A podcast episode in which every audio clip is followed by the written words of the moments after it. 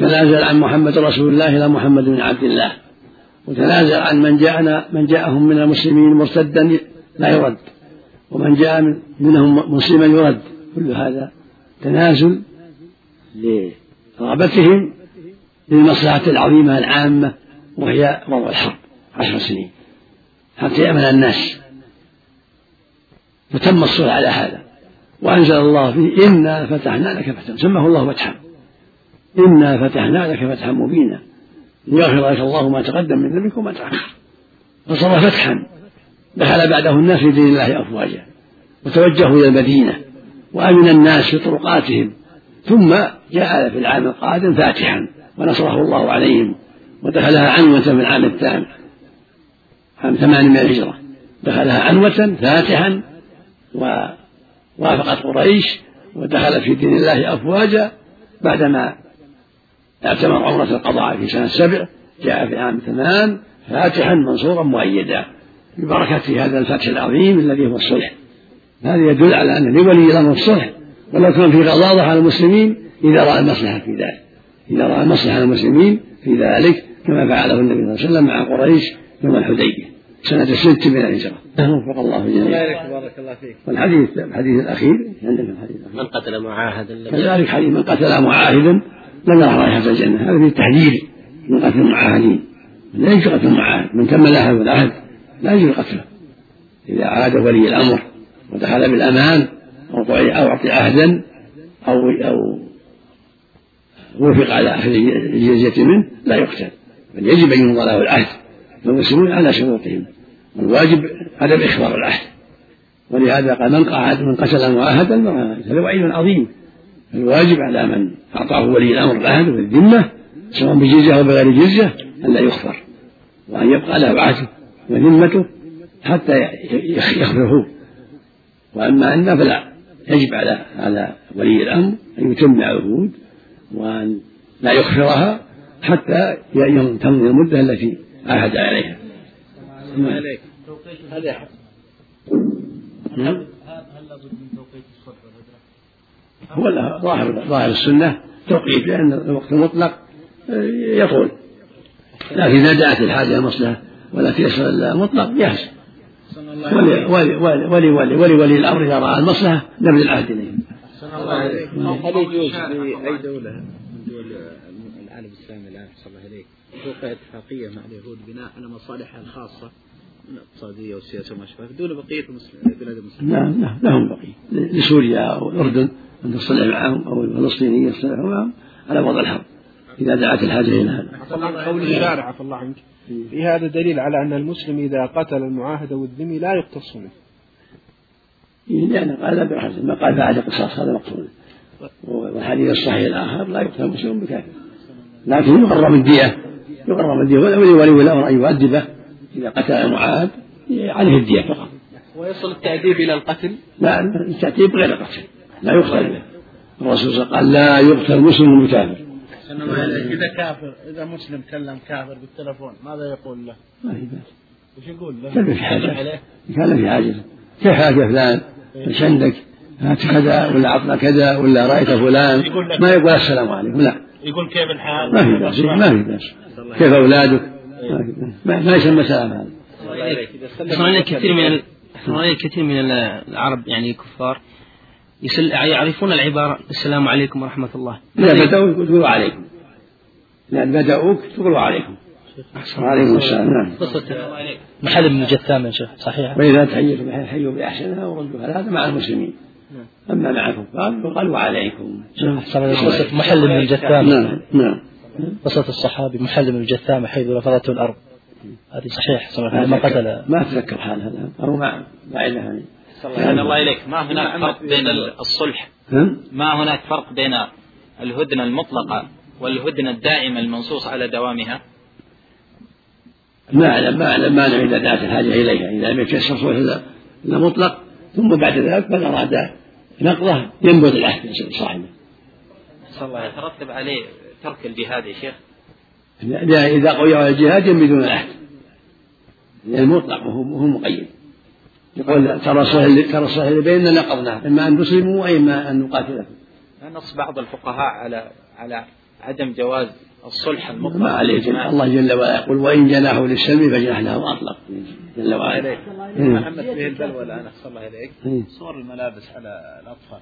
فيه هل يجوز بيعها وشراءها؟ لا ما يجوز. فيها صور الحيوانات لا.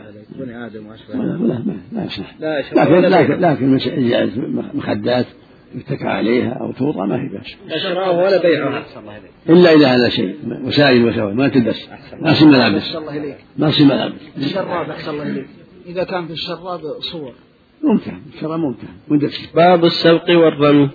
عن ابن عمر رضي الله عنهما قال سابق النبي صلى الله عليه وسلم بالخيل التي قد ضمرت من الحفياء وكان أمدها ثنية الوداع. وسابق بين الخيل التي لم تضمر من الثنية إلى مسجد بني زريق.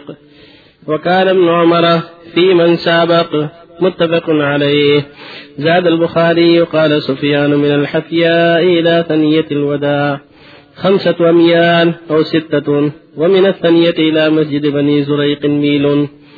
وعنه رضي الله عنه أن النبي صلى الله عليه وسلم سابق بين الخيل. وفضل القرحة في الغاية. رواه أحمد وأبو داود وصححه ابن حبان. وعن أبي هريرة رضي الله عنه قال قال رسول الله صلى الله عليه وسلم لا سبق إلا في خف أو نصل أو حافر رواه أحمد والثلاثة وصححه ابن حبان. وعنه رضي الله عنه عن النبي صلى الله عليه وسلم قال من أدخل فرسا بين فرسين وهو لا يأمن أن يسبق فلا بأس به فإن أمن فهو قمار. رواه أحمد وأبو داود وإسناده ضعيف. وعن عقبة بن عامر رضي الله عنه قال سمعت رسول الله صلى الله عليه وسلم وهو على المنبر يقرأ وأعدوا لهم ما استطعتم من قوة ومن رباط ومن رباط الخيل. الآية ألا إن القوة ألا إن القوة الرمي. ألا إن القوة الرمي. ألا إن إن القوة الرمي. رواه مسلم. نعم الحمد لله وصلى الله وسلم على رسول الله وعلى آله وأصحابه ومن اهتدى أما بعد هذا الباب عقده المؤلف لبيان حكم السبق هو الرمي. المقصود من هذا بيان شرعية المسابقة.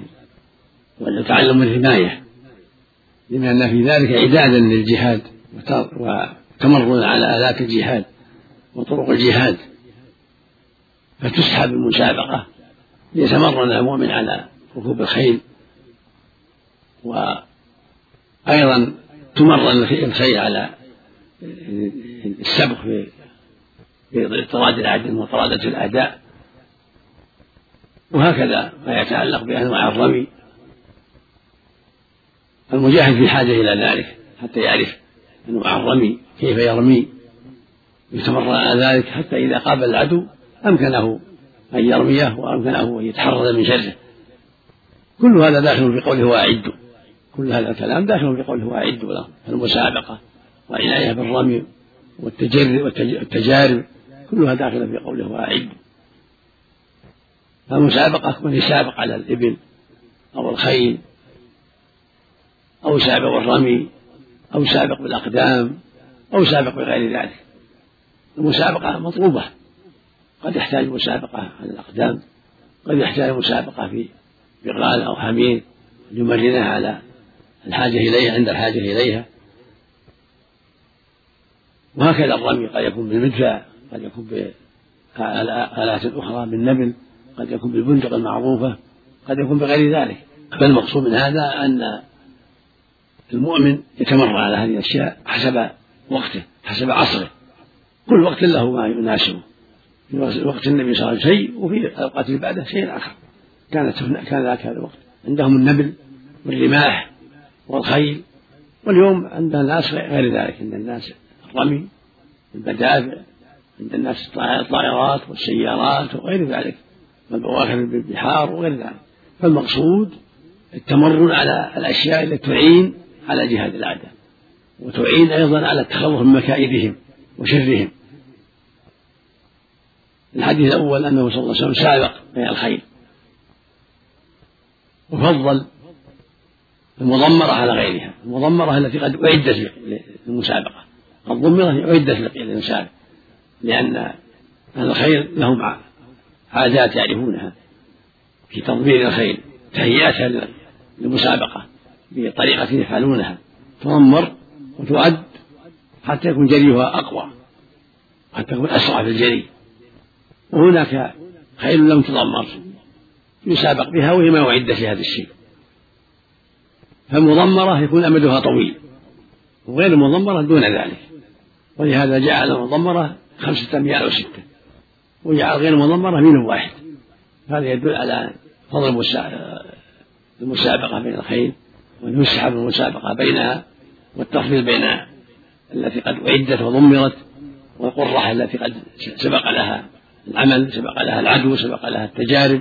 تفضل. قرة يعني كبيرة السن اللي قد مضى شبابها وكان لها تمر في في العدو.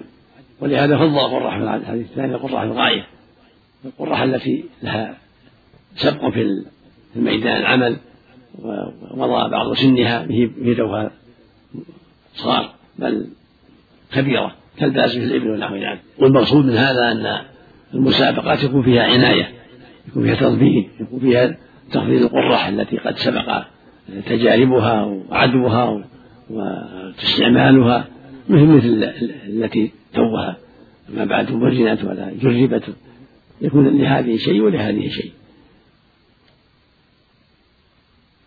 والحديث الثالث حديث من أدخل فرسا بين فرسين. وفي الأيام أن يسبق فلا بأس في نام فهو قمار هذا حديث ضعيف ولا حرج في المسابقة بين شخصين كل واحد قد قدم سبقا يعني مالا. كان بعض أهل العلم يرى انه لا بد أن يكون أحدهما لم يقدم مالا.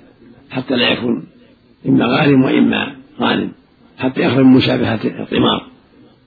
والصواب لا حاجة للتحليل ولا حاجة إلى فرس تسبق وما تسبق إذا تقدم اثنان أو ثلاثة أو أربعة وقدموا سبقا سبقا يعني عوضا فلا بأس. أن يقدموا الجميع أو يقدم بعضهم ومن سبق هذا أخذ ذلك. هذا هو الصواب. ولا حاجة إلى المحدد. في الحديث الضعيف. عليه وسلم لا سبق إلا في نص أو خف أو حافر.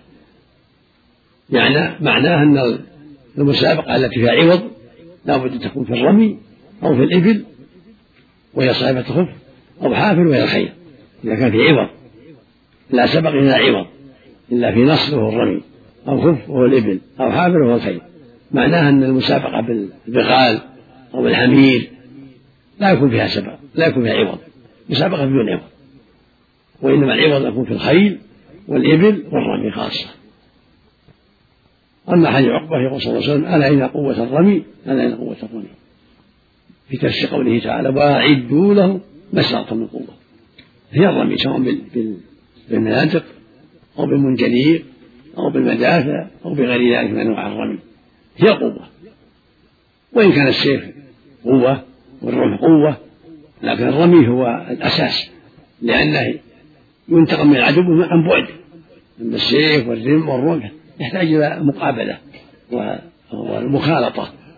فلا يحصل القتال بالرمح والسيف إلا عند المخالطة والاتصال أما الرمي من بعيد. ولهذا قال إن قوة الرمي يمكن أن يغلب العدو ويغلب العدو بالرمي من بعيد. والناس متباعدون. ما لهم فرصة. غير محتاج للسيف ولا الرمح لكن عند المخالطة بين الجيشين أو بين حزبين بين الصفين يحتاج الناس إلى السيف ويحتاجون إلى إلى الرمح. ونعم أما عند البعد فالرمي. فالرمي أعم وأنفع. إذا وجد الرمي وجد العارف به والمتمرن عليه يكون أنفع لأنه يقاتل به العدو من بعد. وهكذا بقية الأشياء التي يحتاج إليها من الدروع وغيرها يحتاج البيضة على الرأس. يحتاج إليها ولو من بعد ولو كان بعيدا لأنها تقي الرمي ولهذا كان العرب تستعمل الدروع والبيضة على الرأس لاتقاء السهام. فالحاصل أن المجاهدين الواجب عليهم أن يتمرنوا في كل ما يقع في زمانهم. كل زمان له سلاحه وله قوته. فالواجب على المجاهدين من المسلمين أن يتعلموا القوة التي تستعمل في وقتهم وفي زمانهم. من رمي ومن دروع ومن بيضة ومن غير ذلك الرأس ومن غير هذا. يستعملون الشيء الذي تقع يتقع به الحروب في زمانهم. ولا يقتصرون على ما كان في زمن النبي صلى الله عليه وسلم. كل زمن له سلاحه وله قوته وله جهاده وله استعداده. ولهذا عم سبحانه فقال وأعدوا لهم ما استطعتم من قوه يعم الرمي ويعم غيره من أنواع القوى التي يقاتل بها الأعداء. وفق الله الله فيك حديث أبي هريرة سبق له في نص صحيح صحيح نعم. صحيح. بغيرها نعم. بس خاص خاص. ما تعرف معناها خاص. العوض خاص بهذا نعم. على انه على الاستحباب أو الإباحة الرمي والسب على انه عفى الله عنك يعني آه، الاستحباب. هذا من من من القوة المعنفة يجب على ولي الأمر أن يمرن الناس على هذا. يعلم الجنود الذين يعملون في الجهاد ويمرنهم على كل ما يعينهم على الجهاد. وإن كان من اشترى خيلا للاستمتاع وقال في نيته أنه إذا جاء جهاد بدخل الجهاد. واللي يصرف عليها وروثه هل في ميزان حسناته؟ يرجع خيره يرجع ما دام يعدها خير يرجع له. ولهذا قال ومن رباط الخيل كذلك عفى الله عنك ركوبها يعني للنزهه ولا ما في بس لكن من أعدها للجهاد يؤجر وما ما أعدها لحاجته فلا أجر ولا وزر نعم أما إذا أعدها للجهاد يؤجر. في أماكن له عفى الله عنك حاطين ميادين للخيل لو الإنسان راح قال بحتسب إذا كان للتمرن عليها لقصد وجه الله يؤجر عليها. أما إذا كان لساعة البال ولا ما قصد الجهاد لا له ولا عليه. الله إليك إلى قيام الساعة. إلى قيام الساعة. لو جت سيارات وطيارات ولو ولو ما دام قصده انه يحتاج إليها. نعم. تعلم تعلم يعلم ولي الأمر الطيران ويعلم الناس السلاح الآخر من أنواع السيارات أنواع الرمي بالمنجنيقات بالمدافع أنواع السلاح بالطيارات المراكب البحرية كذلك إلى غيرها. الله إليك. النهي عن الصلاة. النهي عن الصلاة في الأوقات المنهي عنها هل يدخل فيها الحرم يا شيخ؟ الصواب لا يدخل فيها مكة ما يدخل لأن الناس يحتاج إلى هذا. يعني هي ما عدا يعني في الطواف والسعي ما ما له ما وقت نهي لأن من ذوات الأسباب. لكن لو أراد أن يتنفل أحسن الله عليه لا تنفل إلا بعد العصر وما العصر لا لكن الطواف بس صلى الله عليه من تعلم الرمي. ولهذا قال صلى الله عليه وسلم لا تمنع من طاف بها فصلى آية ساعة شاملة لأن ركعتي الطواف تعتبر من ذوات الأسباب ركعتي الطواف. صلى الله عليه نعم. ما وجه تخصيص حديث أبي هريرة؟ لا سبق إلا في خبز أو نصب أو حافظ لا سبق إلا وجه تخصيصه بالعوض. حديث الرسول. لأنها هي مستعملة. الخف والحافر والرمي هذا مع العوض. أما البغال والحمير لا. الرسول خصها بهذا لأن هي محل محل الجهاد. الإبل والخيل والرمي. أما البغال والحمير هي محل خير